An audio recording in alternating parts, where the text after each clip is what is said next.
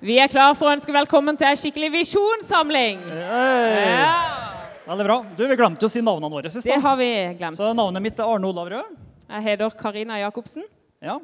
Eh, og vi skal da lede denne visjonssamlinga første delen Yes. fram til pausen. Ja. Eh, og hva er ei visjonssamling? Ja, hva er ei visjonssamling? Du, eh, jeg må bare først si at vi er så heldige at vi har en fantastisk visjon. Og den har fått bli eh, malt for oss disse dagene hvor vi har vært sammen. At vi har en visjon om at eh, vi skal se eh, jorda fylt med kunnskapen om Herrens herlighet. Så vi får være med på utrolig, et utrolig godt arbeid. Så vi skal få snakke litt om hvor vi er, hva vi står i, og veien videre. Det er sant. Dere som sitter i stolene her, har kanskje sett at det ligger en sånn brosjyre på, det ligger på annenhver stol. Eh, og det, det er fordi at mot slutten av samlinga så ønsker vi å, å få flest mulig til å være faste givere til det apostoliske arbeidet som eh, eh, vi er en del av, og som vi har fått sett hele uka. Den samlinga her skal gi et, eh, et godt innblikk i hva er et apostolisk arbeid. Eh, og eh, det blir mange gode innslag, så jeg, jeg gleder meg til det. Men eh, dere som eh, har fått en sånn brosjyre kan, eh, og har lyst til å bli fast giver, hold på den og fyll den ut, så skal vi ha en innsamling helt mot slutten. Yes. Og jeg må bare si at jeg er så utrolig inspirert etter disse dagene som vi har vært sammen. For jeg har bare fått eh, oppleve at vi eh, får være med på å se noe av denne her visjonen eh, levende. Det er så utrolig masse gode folk. Det er så mange møter med Gud. Det er så mange folk som får stå i Guds nærvær, og så får, får vi bli forandra, og så får vi koble oss på kroppen. Og så skal vi være en kropp som fungerer sammen. Eh, og jeg har jo eh, vært mye sammen med ungdommene. Er det noen ungdommer her i dag? Jeg er ikke så veldig glad i sånn eh, laborrespons. Er det noen ungdommer her i dag? Erling, det er. Eh, fantastisk. Eh, du, har, eh, har vi ikke hatt det bra, dere?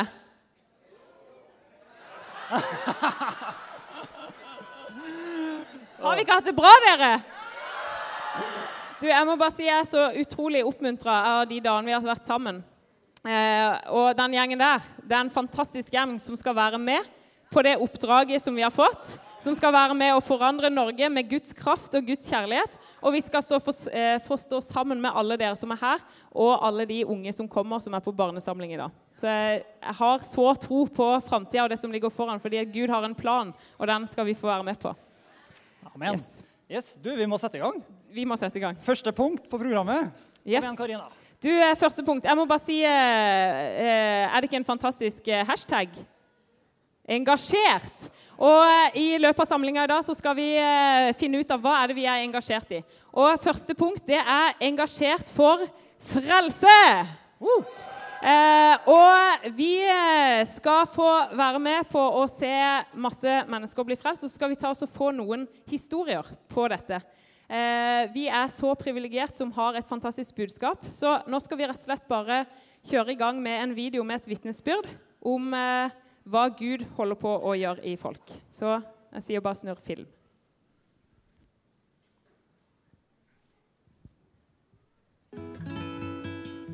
Emanuel er fra Eritrea. Susann er eh, oppvokst i Saudi-Arabia, og de har begge to ortodoks bakgrunn. Og da de kom til Norge, så var Norge helt ukjent og, og fremmed for dem. Da jeg kom til Norge, jeg var uh, helt ny, så trengte jeg å ha en uh, flyktningguide. Så jeg gikk til uh, Red Cross. Så jeg traff en mann som heter Malako. Eh, så han inviterte meg til eh, kaffe. Så vi har god tid. Og then uh, han også snakket om uh, Jesus og uh, hvordan han aksepterer Jesus. Og så hun ble invitert meg også til Kristian Fellesskap. Så jeg ble litt Jeg ble imponert, fordi det var eh, innenfor en uke de snakket med to personer. sant? Da ble jeg invitert hos Johannes.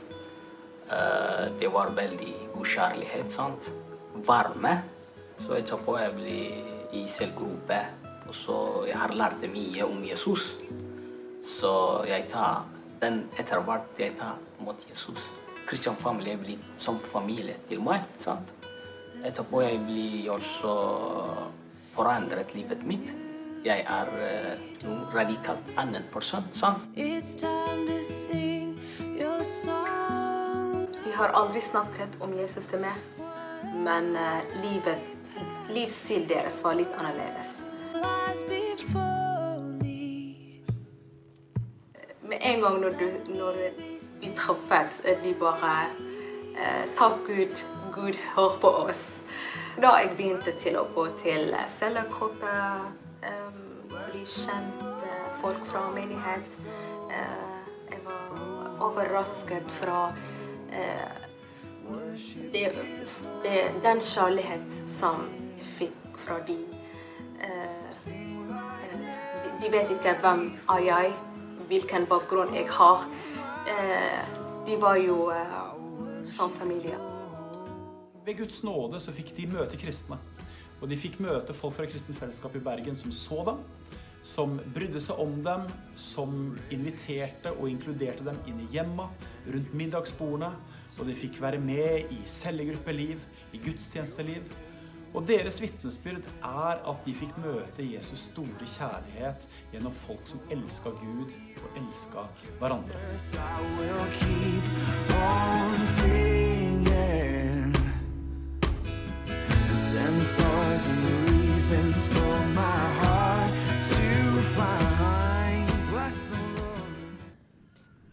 Er ikke dette et fantastisk vitnesbyrd?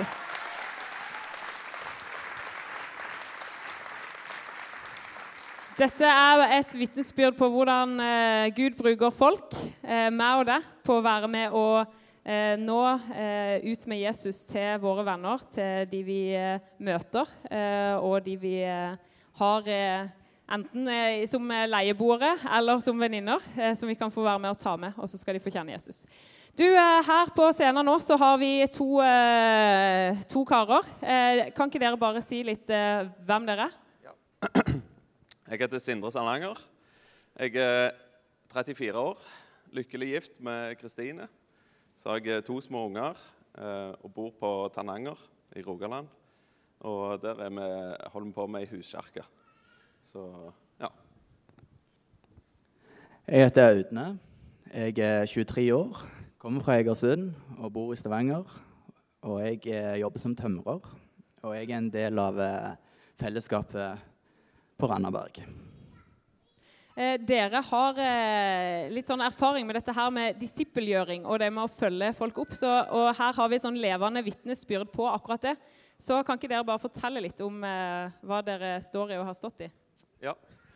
Eh, For uh, ca. ti år siden så ble jeg eh, engasjert i et eh, misjonsarbeid som heter Young Life.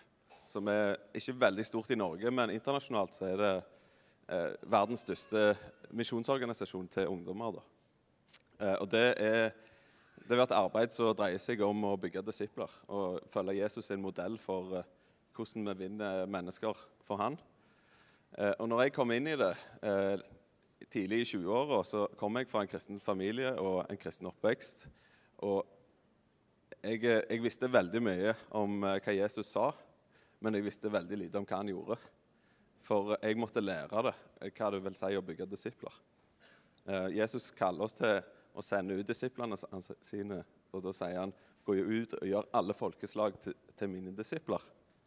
Så sier han òg til disiplene sine som far har sendt meg, sender jeg dere. Og så er det så lett for oss å gå glipp av hva det faktisk Jesus gjorde. Og når han kom ut fra sin komfortsone og flytta ned og ble en av oss, så fant han noen få mennesker, og så investerte han livet sitt i de menneskene. Og så var han med de. Han hadde tolv nære, og av de tolv så var det tre som var ekstra nære. Så han gikk sammen med og bodde med og lo sammen med og var sammen med hele veien. Og det var veldig lite programorientert. Eh, og det, det fikk jeg lov å eh, delta i og innse det på en måte og eh, hoppe uti det sjøl. Eh, og da var Audne en av de første ungdommene som jeg traff og begynte å bruke veldig mye tid med. Og for min del kan jeg si at eh, det er ingenting som har gjort at min egen tro har vokst så mye som det å få lov å være en del av noen andre sitt liv. Og få oppdage at eh, jeg, står på dypt vann, på en måte. Og dette klarer jeg ikke sjøl. Da blir en avhengig av Gud. Og ja, med Guds hjelp så har jeg fått lov til å bety en forskjell for eh, flere andre ungdommer. Og fått lede mange til tro og se de vokse i tro. Og det er noe som Gud kaller oss alle til. Ja. Så Audun kan få fortelle litt. Ja. Eh, jeg er ikke fra en troende familie. Eh, tvert imot. Jeg husker jeg måtte eh, ofte gjemme Bibelen, sånn at jeg ikke så Bibelen. Det var ikke så god stemning hjemme. Eh, og jeg hørte ikke om Jesus før eh, konfirmasjonstiden. Da begynte jeg å høre ja, litt om Jesus. Og da traff jeg Sindre, som begynte å investere sin tid i meg. Som begynte å um, spørre spørsmål som jeg ikke var vant med å høre og bli spurt om.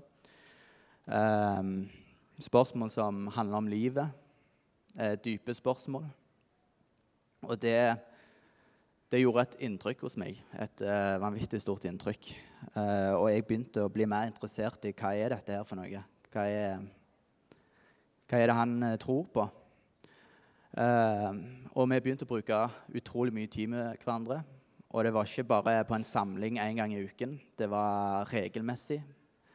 Det var mm, middager sammen. Det var ja, kino. Vi var fant på alt mulig, og jeg bare kjente at han ble en utrolig god venn for meg. Og da hadde jeg ikke noe problem med å dele eh, om mitt liv til han. Og han bygde, han bygde opp en vanvittig stor tillit hos meg, og det betydde utrolig mye for meg. Mm. Eh, ja, så, er det, så det er egentlig takket være relasjoner eh, og dette med disippelgjøring som gjør at jeg, kan, ja, at jeg står her i dag. da. Veldig bra. Eh, Så her har vi et fantastisk vitnesbyrd på hvordan Gud bruker folk til å gi det videre til noen som kan være med å gi det videre igjen. Så vi gir bare Sindre og Aune en stor applaus.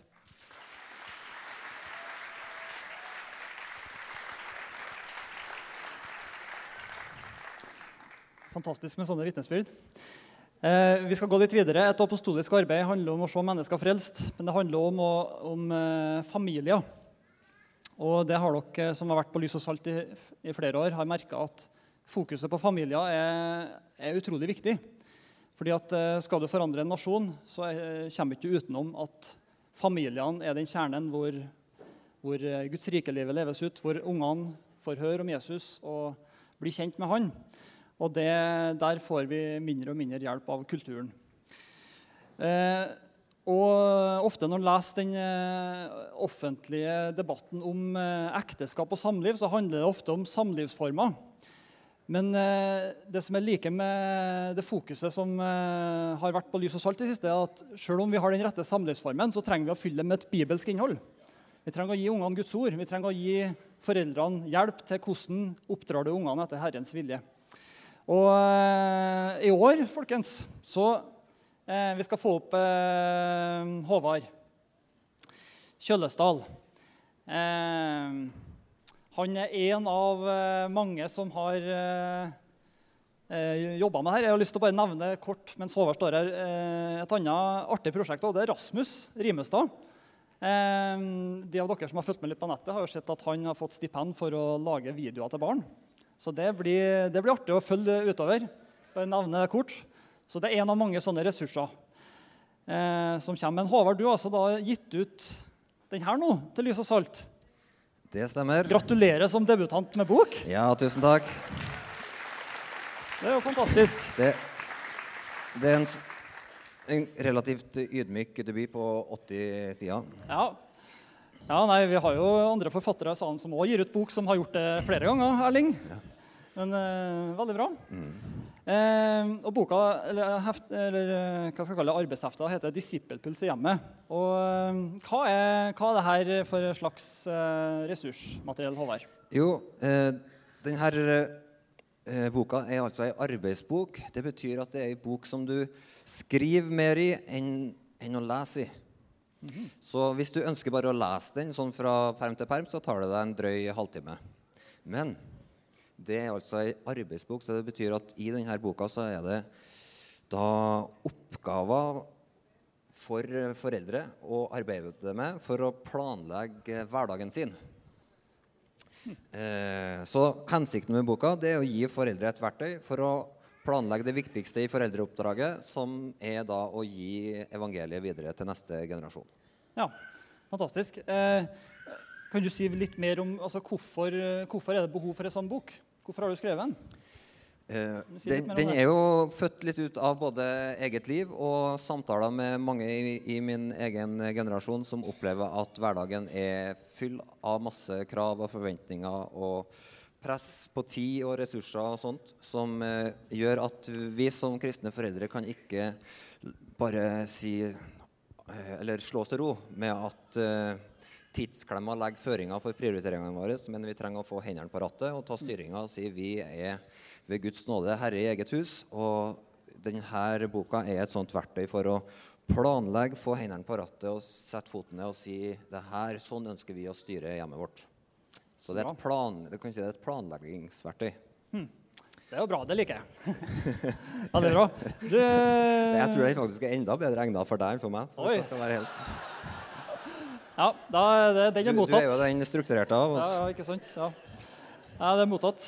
Uh, men uh, altså hvis folk har lyst til Eller familier, ektepar, har lyst til å kjøpe en, hvordan, hvordan skal han bruke den? Hvordan bruker du boka? Jo, For det første så er det i boka så er det både individuelle oppgaver og det er oppgaver å arbeide sammen. Så det betyr kjøp sånn at ektepar har én bok hver. Så her på konferansen nå så selges det ei bok for 179 og to for 299. Så det betyr det lønner seg å kjøpe to, ikke bare fordi det er rimeligere, men fordi eh, du trenger å ha en egen bok å skrive i.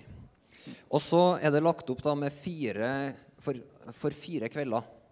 Så den første kvelden den handler om eh, barna sin åndelige utvikling. Hvor er hver enkelt av barna i vandringa si med Jesus? Så handler det om eh, neste kvelden om eh, vaner og prioriteringer i hjemmet. Og så er det neste kvelden om alle de her spesielle dagene, høytidene, feriene. Hvordan bruker vi dem for å gi evangeliet videre? Og så den siste sesjonen handler om mediebruk, påvirkning og det å gi Guds ord i hjemmet. Så, så når du har vært gjennom de her fire kveldene, så har du sammen med ektefellen din da, fått lagt et ordentlig grunnlag for eh, Forhåpentligvis da, for å ha en plan for hverdagen. hverdagen. Og, mm, så, så I boka står det litt mer om hvordan det her kan brukes. Kanskje For menigheter kan det være en idé å legge opp en weekend sammen.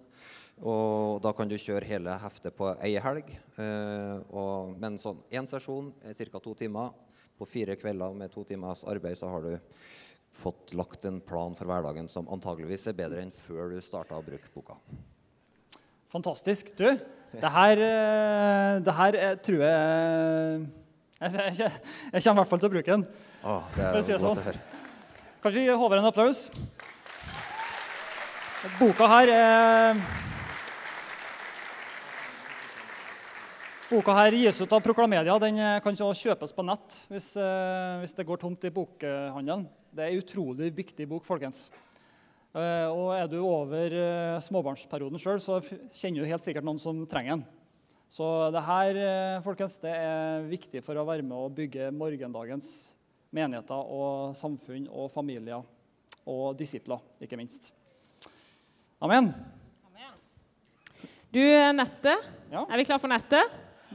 Eh, engasjert for ordet og bønn.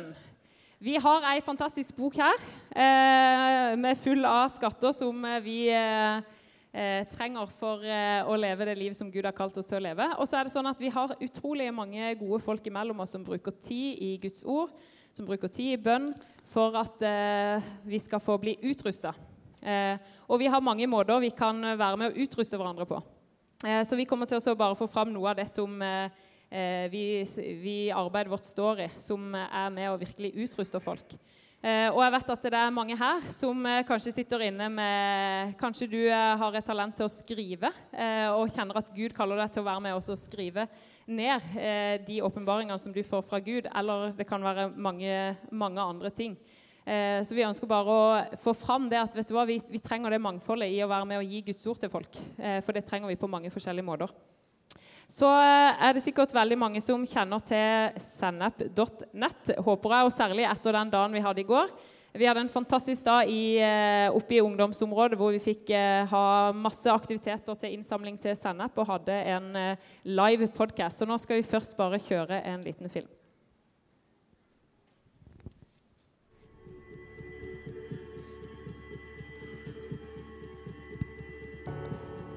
Jeg vil være en disippel, en etterfølger av Jesus.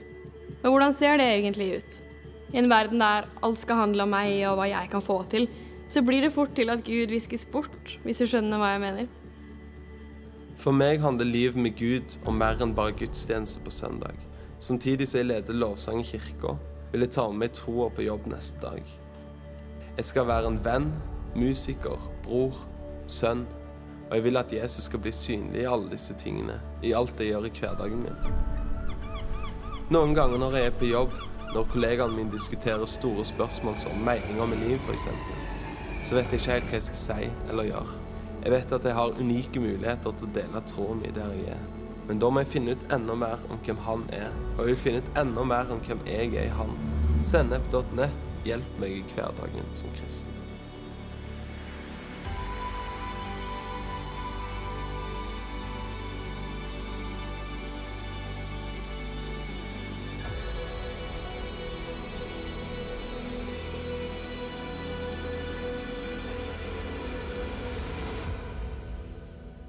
Bibelen forteller oss jo at vi skal gå ut og gjøre alle mennesker til disipler.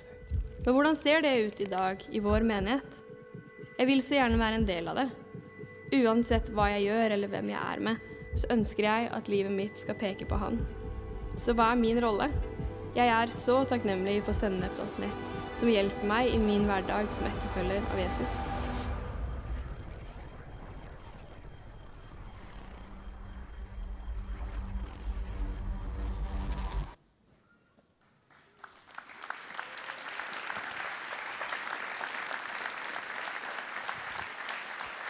Eh, noen tenker sikkert når de ser den, at de tenker Hæ, hvem er disse folkene her på skjermen?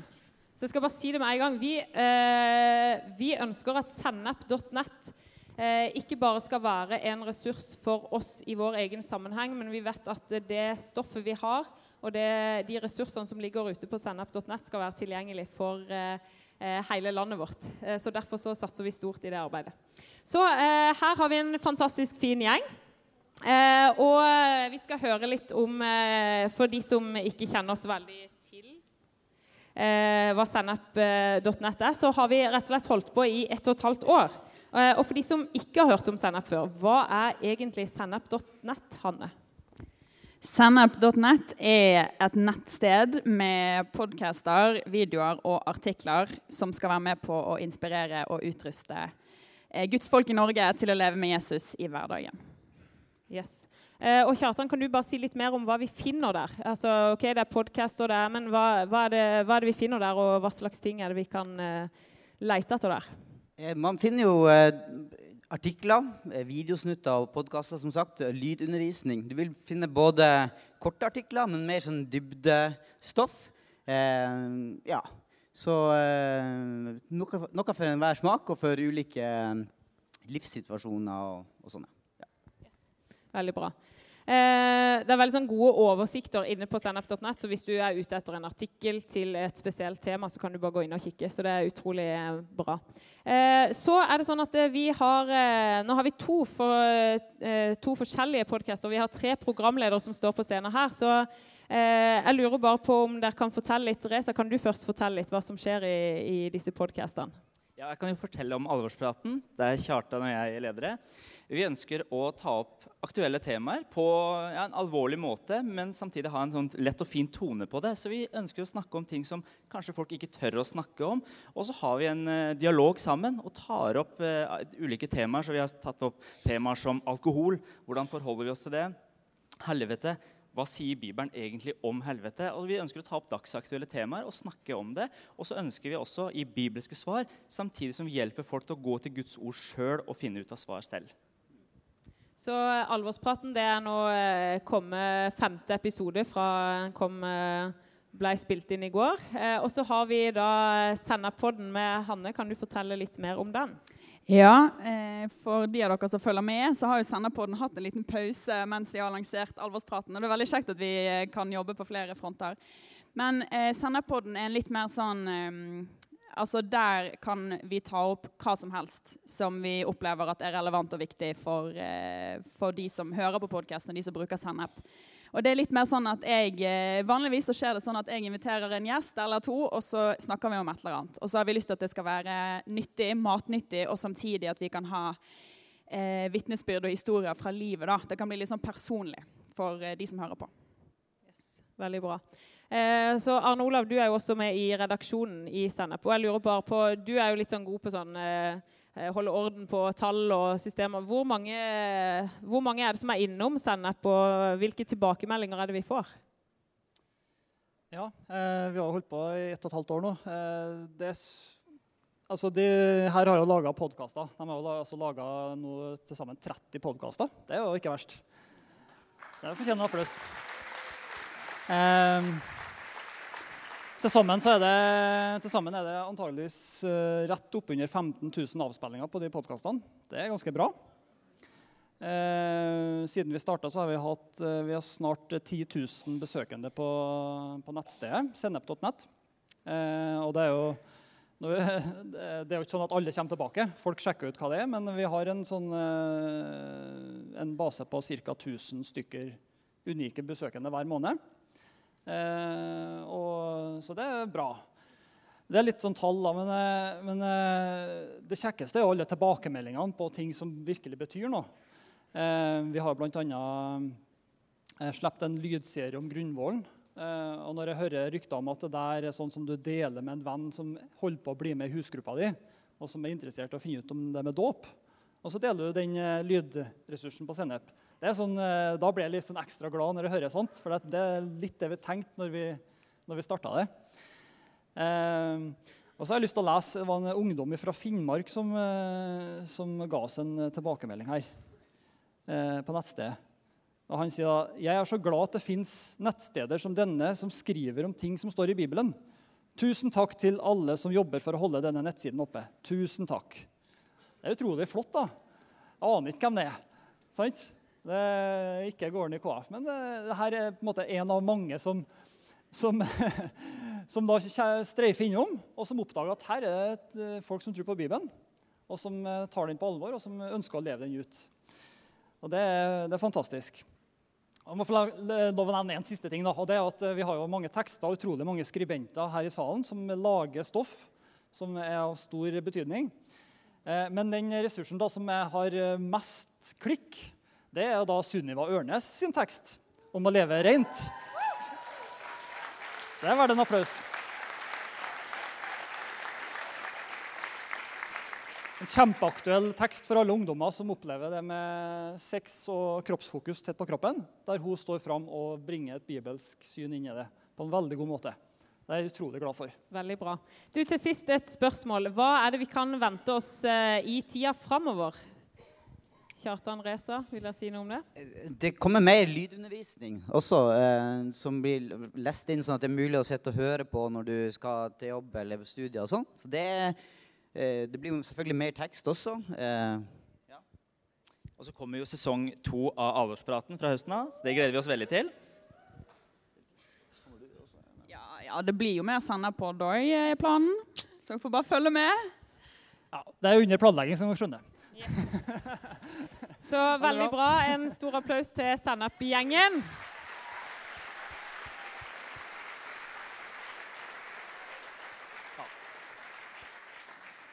Dette er et, et av mange eksempler på hvordan vi jobber med Guds ord og, og bønn. Eh, bønnearbeidet er jo et, eh, noe ikke vi tar opp her, men som er en fantastisk del av arbeidet, som det har skjedd veldig mye godt i. Eh, vi skal gå videre. Eh, vi, eh, vi tror jo på Guds rike, og at Guds rike er større enn det som skjer innenfor menigheten, men vi tror at verden tilhører Gud. Og vi tror på at det skal bli en bedre verden Og Det er jo noe av det som er budskapet som Erling har kommet med i sin bok om endetid òg. At eh, jorda skal bli fylt med kunnskapen om Herrens herlighet. Og at vi kan ha et optimistisk endetidssyn. Og det at vi jobber for en bedre verden, det er det heldigvis eh, mange her som både har et kall og som har et engasjement og Vi skal ha- to eksempler på det nå i den, eh, de neste minuttene. Og Først så har jeg lyst til å invitere opp en eh, kar som heter Håkon Pettersen. Håkon, kom opp her.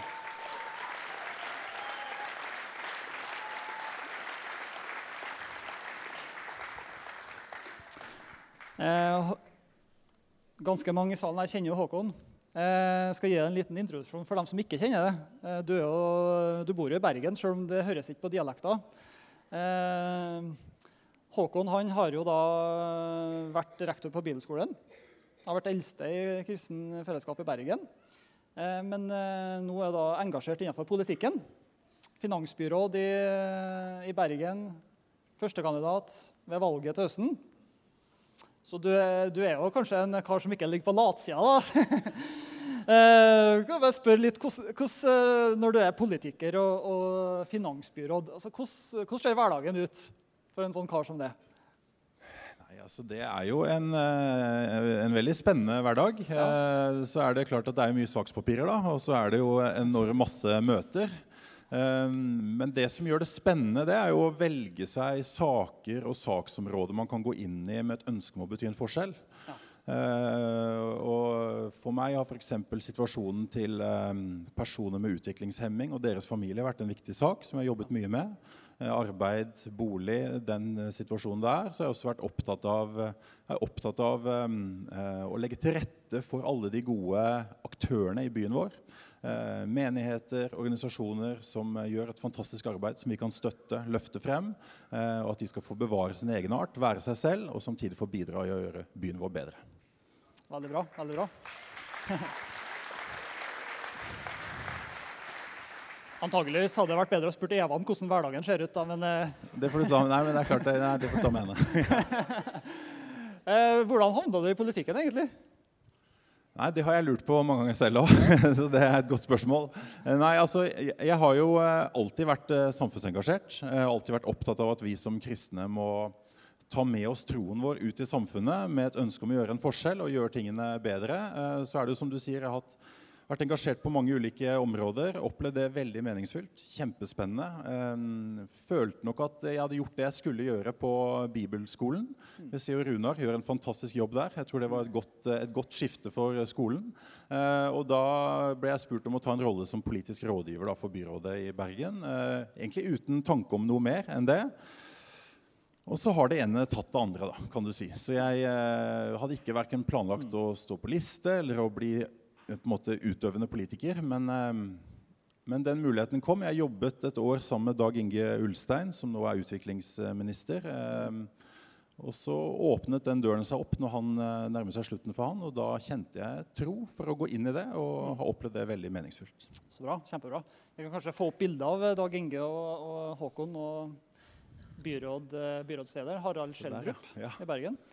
Så folk skjønner litt hva, hvordan klær du bruker å gå i til vanlig. Eh, du, eh, eh, vi går litt mot slutten her, men, men jeg har bare lyst til å høre hva er det som driver deg når du engasjerer deg i politikken og i samfunnet på den måten som du gjør? Altså, jeg er jo veldig inspirert av historien om Hans Nilsen Hauge eh, og Haugebevegelsen. Og det er klart det var en bevegelse av mennesker som først og fremst brant for Jesus. Eh, og som hadde et, en tro på at evangeliet forandra liv og forandra samfunn. Og, og min drøm er jo at vi skal kunne være en ny sånn Hauge-bevegelse. Eh, som eh, forkynner evangeliet, som går inn med en tro også om at Gud har et engasjement for at folk skal ha eh, en meningsfull hverdag, noe å leve av, noe å ta seg til. Og at vi kan sånn jobbe for en bedre verden. Da. Og jeg tenker jo at vi skulle ofte i de forskjellige byene vi bor i, og, og plassene vi er, rulle ut kartet. Og tenke hva, hvor er behovene? Hvor kan vi være med og bety en forskjell? Hva er Eh, og, og da, da må vi jobbe på kryss og tvers da, tenker jeg, av politikk, næringsliv, menigheter. Mm. og Noen av de beste møtene jeg har, er jo også med når vi noen ganger får treffe kristenlederne i Bergen. Og vi sammen kan møtes, vi kan be til Gud sammen, og vi kan tenke hvordan kan vi benytte det, det, hva skal jeg si, den innflytelsen vi har, til å bety en forskjell og til å gjøre byen vår bedre for enda flere mennesker. Så en ny Hauge-bevegelse eh, som tent av en levende tro kjemper for en bedre verden. Kjempebra. Du, tusen takk. Og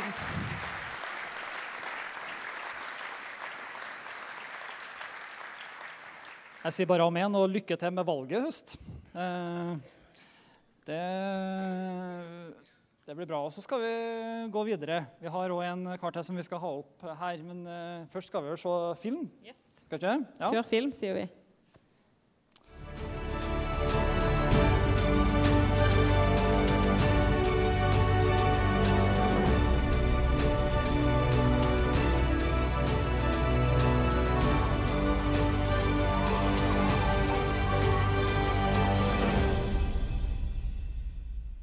Hei, det er Isak.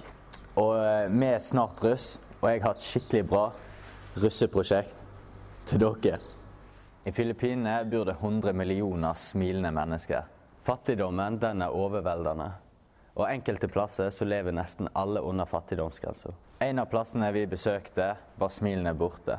Og da spurte jeg en sosialarbeider hvorfor. One of the characteristics of the Mangyan individual or family is that they are very shared. And that is because of the reason that uh, in the beginning they feel that they are discriminated. Hun fortalte at manjanfolket er et urfolk på Filippinene. Som mange andre urfolk har de blitt undertrykte. Dette bærer de preg av, og smilene er borte. Før var manjanfolket et nomadisk folk som flytta rundt etter årstidene. Nå har de blitt bufaste, noe som gjør at noen mennesker i landsbyen kan få seg betalte jobber på byggeplasser. Folket har en lav status og er uten skolegang, og de får ofte av de midlertidige og de dårligste betalte jobbene. Nå når de er blitt bufaste, kan barn bli henta med busser og gå på skole. Dette er veldig bra. Likevel er det enormt stor fattigdom i disse landsbyene. Sosialarbeiderne og helsearbeiderne fra Ministry Without Borders besøker landsbyene én gang i uka. Da ser de hvordan det står til. De hjelper akutt syke og fødende, og deler ut gratis resept på livsnødvendige medisiner. Ministry Without Borders ønsker å hjelpe disse landsbyene til å hjelpe seg sjøl, slik at en kan løfte dem til bedre helse og verdighet.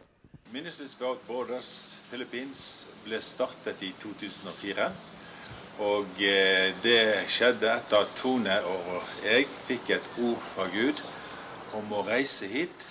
Og i det oppdraget Gud gav oss, så var det et veldig klart fokus på å hjelpe fattige. Både til å finne veier og finne et verdig liv på, men òg til å kjenne Gud.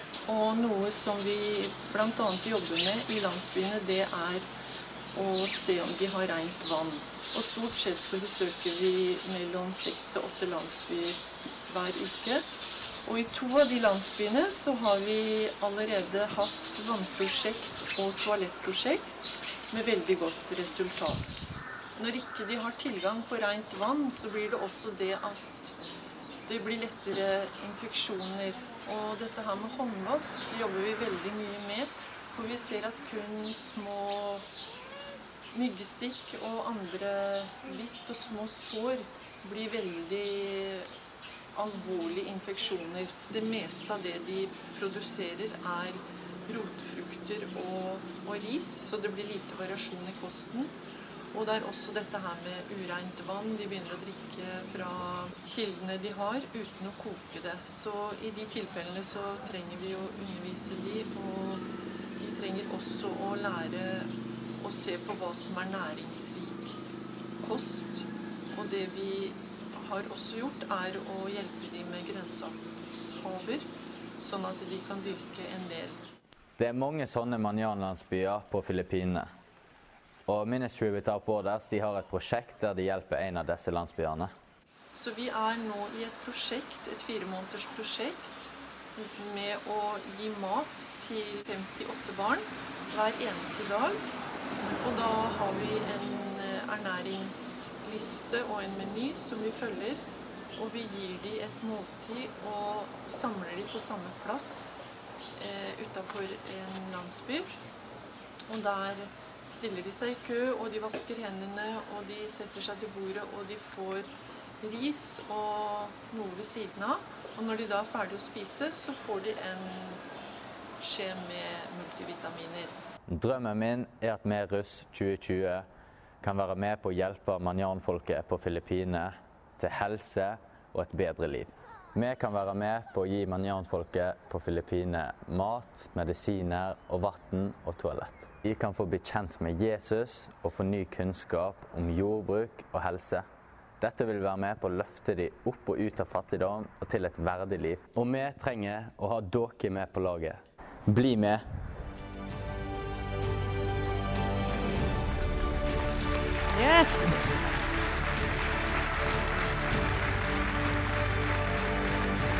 Veldig bra. Da har vi fått eh, Isak Hystad opp på scenen her. Eh, og Isak, du har eh, Nå fortsetter han å spille litt, men vi kjører bare på. For eh, vi har fått beskjed om at vi er langt bak programmet. Men du har altså nå gått på Framnes i to år. Eh, og så er det ikke sikkert alle vet liksom, ok, hva er greia, hva er Framnes eh, og hva er misjonsprosjektet. Kan du bare si litt om det og prosessen? At eh, Framnes de har da et misjonsprosjekt hvert år som eh, russen styrer, eller russen har da i lag med hele skolen, eh, der vi samler inn til forskjellige, misjon, eller, til forskjellige prosjekter. da. Eh, og I 2017 så var familien min og familien Gundersen i Filippinene. Eh, og siden da så tenkte jeg at dette her hadde vært helt fantastisk å ha som misjonsprosjekt på Framnes. Og, og meg og mange flere har jobba for at eh, vi skal få misjonsprosjekt på Filippinene gjennom Ministry Without Borders. Yes, Kjempebra. Kan du bare si litt mer om eh, Du sa, sa litt om at eh, du har hatt mange folk med deg. Eh, si litt om prosessen eh, dere har hatt den siste tida, og hvilke folk du har hatt med deg. Ja, det er utrolig viktig å ha folk rundt seg. Og mamma hun har vært veldig flink til å jobbe med filmene i lag med Rune eh, Ørnes. Og så har vi Runar, som er en kontaktperson mellom eh, oss og skolen. Eh, og at meg og Hanna da, vi har blitt misjonsprosjektsledere. Hanna var. Og Noralf og Tone, som er i Filippinene og hjelper oss der. Mm. Kjempebra. Eh, til slutt, Har du noen sånne oppfordringer til noe denne salen kan være med for å backe? Ja, at det er veldig viktig at dette er ikke noe vi skal gjøre alene, men at vi alle sammen kan være med på det. Eh, og eh, jeg tror det er veldig viktig det med bønn. At vi er med og ber for eh, at pengene skal bli brukt på en god måte. Eh, og at, eh, ja, at det skal virkelig gjøre en forskjell for de som er på Filippinene. Og at vi skal klare å samle inn så mange penger som mulig, sånn at vi kan gjøre en forskjell på de for Filippinene. Mm. Kjempebra. Du, En stor applaus til Isak Hystad og Hanna Hva.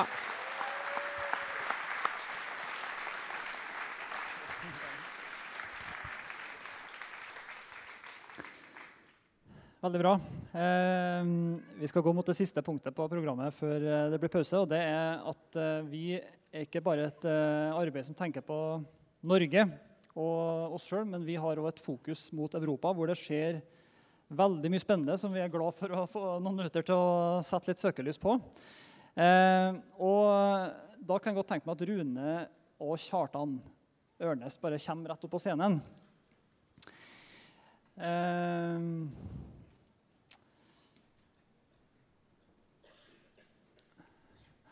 Og Det er en grunn til at jeg har med begge dere to her. da. Eh, Det, Rune kanskje først kan få, eh, kan få si litt. Og Rune, du har jo vært oppe på scenen her før. og, og mange som har vært før, assosierer det med den kontakten med, med Russland. Så vi tenkte å høre litt hvordan, hvordan Vi kan kanskje si litt først om, eh, om bakgrunnen for dem som ikke har hørt så mye om at du er involvert i Russland, sånn at folk eh, vet litt om det. Ja. Litt over tre år siden så var det helt klart en connection av Den hellige ånd mellom menigheten i Tromsø og en menighet som ingen visste om i Murmansk. En ung menighet. En menighet som med et litt lignende DNA som vi har. Og eh, Den historien er egentlig veldig vakker, men den er lang. Jeg skal ikke ta den nå. Men det endte opp i hvert fall med at vi besøkte de, og vi ble etter hvert enige om at eh, de skulle besøke oss. Og så hadde vi en konferanse i Tromsø for to år siden der over 50 russere kom i to busser, reiste dit for å være på konferanse sammen med oss. Eh, Etter det har vi hatt en konferanse i Kirkenes, og vi har hatt stadig besøk. og Relasjonen har vokst seg veldig varm. Og faktisk så varm at nå i fjor høst, når de hadde 15-årsjubileum på sin menighet der, så ble jeg spurt om å være hovedtaler. Det var jo et veldig ærefullt oppdrag. Ja. Så relasjonen er varm. Og på den første konferansen vi hadde sammen i, i Tromsø da, for to år siden, så kom det et profetisk ord. Var en profetisk mann fra Murmansk som sa det at det er, han så en knytning fra Tromsø til Murmansk. Det var som et tau. Og på dette tauet var det veldig mange forskjellige knutepunkter etter hvert. Og han sa det kommer til å skje en, en utgytelse av Guds ånd i Tromsø som skal, som skal bre seg utover, helt oppover til Murmansk, men det skal bli mange knut, knutepunkter innimellom der. Så hadde vi, valgte vi å ha en konferanse i Kirkenes da, halvåret etterpå. Og eh, når vi var der, så var det samme mann som brakte et profetisk ord og sa neste gang dere skal ha konferanse, så skal det være tre land som er representert. Og Han sa han så tre elver som rant sammen til ei elv, og så sa han hvem er i stand til å skille vanndråpe fra vanndråpe. Og Basert på det så reiste vi til Rovaniemi. Oi, Til Finland? Til Finland, ja. Så vi har nettopp vært i Rovaniemi. da. Og det, det som var så fint, da, da har vi jo en fantastisk flott gjeng oppe i Kirkenes. Så det kom noen fra Kirkenes, det kom en gjeng fra Tromsø, og så kom det en super gjeng fra Murmansk. Og Vi dro til Rovaniemi der, vi søkte Gud, og Gud ga oss noen kontakter der. Og før vi var kommet noe skikkelig i gang, så var første dama blitt frelst. og, eh, det er bra. Det geniale der det er at vi, vi, får se hvordan det fungerer når vi er en kropp som ikke, bare, som ikke blir hindra av sånn etnisitet eller hvor vi kommer slags land eller geografi. Men vi er en kropp der Jesus er hodet. Og Det ble en sterk demonstrasjon når vi kom til Rovaniemi. Og Folk bare søg til seg alt vi hadde å gi. Vi var der i tre, tre fulle dager. da, Og mens vi kjørte på tur hjem, så fikk jeg mail i mailboksen min om folk som hadde meldt seg på en konferanse som vi straks skal ha i Tromsø i august. Den heter 'Stronger and Closer'. Det blir en konferanse med russere, finner, nordmenn og mange andre. Og vi har fantastiske eh, forkynnere som kommer. Ja, Du må, du må si navnene på dem. Ja, det skal jeg gjøre. Her har jeg altså en brosjyre, og Kalenok han er her. Han har masse brosjyrer med seg. Så hvis noen som vil ha brosjyrer, kontakt Kalenok. Hvor han er han nå? Vi har, Der er han. Vi har Chandrakant Chavada fra India kommer til Tromsø for å være på Stronger and Closer. Roger Aubrey fra Wales kommer for å være på Stronger and Closer. Og Slava Gunsjarenko fra Hviterussland kommer for å være på Stronger and Closer. Det, det, grunnen vi kaller det Stronger and Closer, var et profetisk ord om at det er tid for oss å komme sterkere og tettere sammen i Den hellige ånd i oppdraget. Derfor Stronger and Closer. 16. til 18. august i Tromsø. Har dere lyst til å være med? Wow! Amen. Kjempeflott. Eh, Dette er jo et arbeid som vi trenger å stå med i bønn, folkens. Hvis ikke, i hvert fall hvis ikke vi reiser til Tromsø, så må vi stå med i bønn. da. For det her, eh, det her er folk som, eh, som står under et sterkt press eh, pga. troa si. Så det er en viktig konferanse. Så eh, Guds velsignelse på den reisa, Rune. Vi snakker om Europa. Og Kjartan er jo da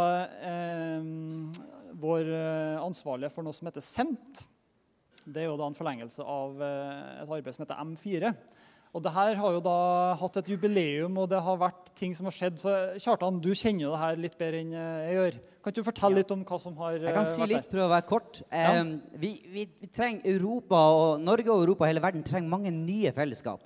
Det, det viser sånn at det, de nye fellesskapene som blir planta, det er der flest mennesker møter Jesus. Fordi da er folk engasjert, og de står på. og det er liksom en ny begynnelse. Vi trenger mange sånne plasser. Og M4 er et sånt verktøy som, som mange, eh, også flere har vært med å utvikle. Et sånt verktøy for å hjelpe. Når, når Gud har talt, så har man et verktøy for å, for å sikre at ei sånn eh, menighetsplanting eller å starte noe nytt har, fungerer best mulig. Og eh, nå i, eh, i eh, juni så var det sånn tiårsjubileum for M4, der vi var i Hånes frikirke og feira og så litt hva som hadde skjedd der.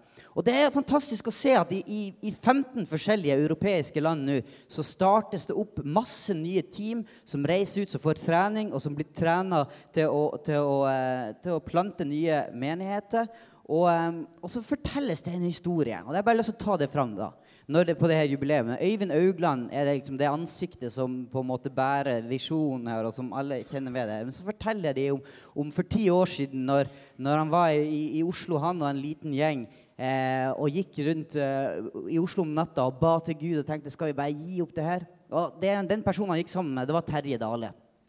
Og de to blir enige om at ok, det, vi, vi skal stå sammen eh, om det her for å se at, at Europa blir forandra gjennom menighetsplanting. Og så blir det en historie om, om to menn som gir seg til Gud og til hverandre i det at de ønsker å se at Gud får det han vil ha. Og så Ti år etterpå så ser vi det at i 15 forskjellige nasjoner så blir det nå planta mange forskjellige menigheter. Blant, blant annet i, i Russland nå så sender de ut 30 team denne høsten her som skal ut for å plante nye menigheter. Så det er en sånn liten greie. for det sier også at I M4 så er det noe som heter M4 Ready, som er et sånt eh, ledertreningsprogram som 16 personer fra vår sammenheng eh, kristen nettverkssammenheng var med i en sånn prøveversjon på nå dette, dette, året. her. Og Det er opp, ny oppstart, men det er også til høsten. Så det er forskjellige sånne verktøy som man kan bruke. Så ta kontakt med Reza eller meg eh, eller Morten Gundersen eller noen andre som, eh, som, kan hjelpe dere i kontakt med hvis dere vil ha mer info om det. Ja. Du nevnte jo Terje. Eh, han eh, har vært en viktig mann. Kan du eh, bare Ja. utdyp det litt? For jeg, jeg tror det er litt viktig at folk uh, skjønner Ja. betydninga her.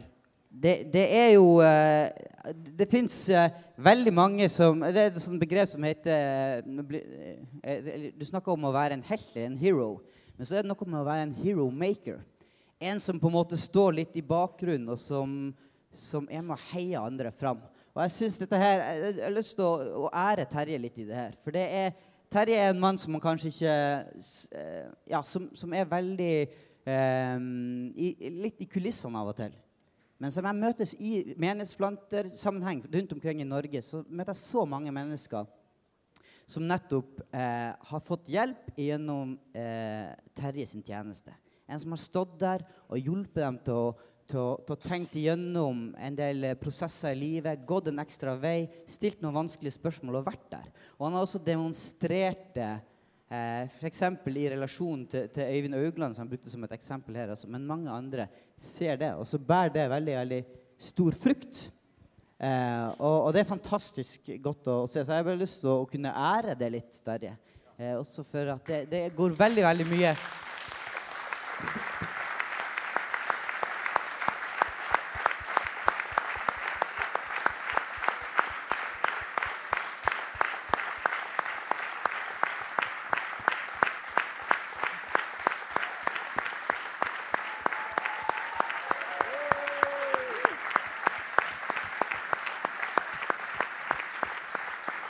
Vel, veldig veldig mye lenger ut enn en, ut fra det, de folkene som er samla i dette rommet her. Da, også. Så det er, det er veldig flott å se. Ja. Amen. Yes. Ja, det bra. Tusen takk til dere. Vi skal straks gå mot en avrunding av første del her. Eh, Etter del så blir det mer rapporter fra Asia. Men siste post på programmet. Det er en, eh, det er en annen mann som vi har lyst til å ære litt, som dessverre ikke er her. Eh, Han eh, ble syk rett før konf- konferansen. Jeg snakka om Arne Skagen. Han eh, er òg en mann som vi har ofte trukket fram, og som dere har hørt mye om. Og eh, han har jo reist mye rundt og vært mye, mange plasser, i, både i Norge og i Europa. Og vi har tenkt å avrunde her visjonssamlinga med å gi dere et bitte lite innblikk i hvor stor rekkevidde hans bøker og hans arbeid har hatt. Så dere skal få se en video med en del hilsener fra forskjellige folk rundt omkring i eh, verden. får jeg vel si. Og det, Nå får ikke vi anledning til å ære Arne her, men det er for å gi dere en anledning til å skjønne hvor stor rekkevidde Gud har gitt han.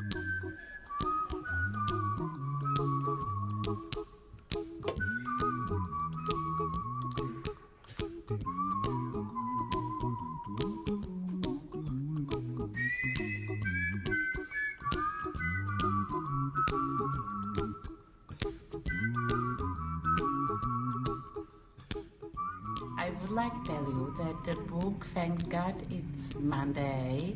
It's very inspiring for normal practical life, for my practical life, and I believe that you are too. I can recommend it. Uh, I like it because uh, it's more about relationship and not so much about persuasion, and uh, I can integrate his methods in my daily life. So, would you recommend your, this honest book to others? Indeed, yes. It's a really good book.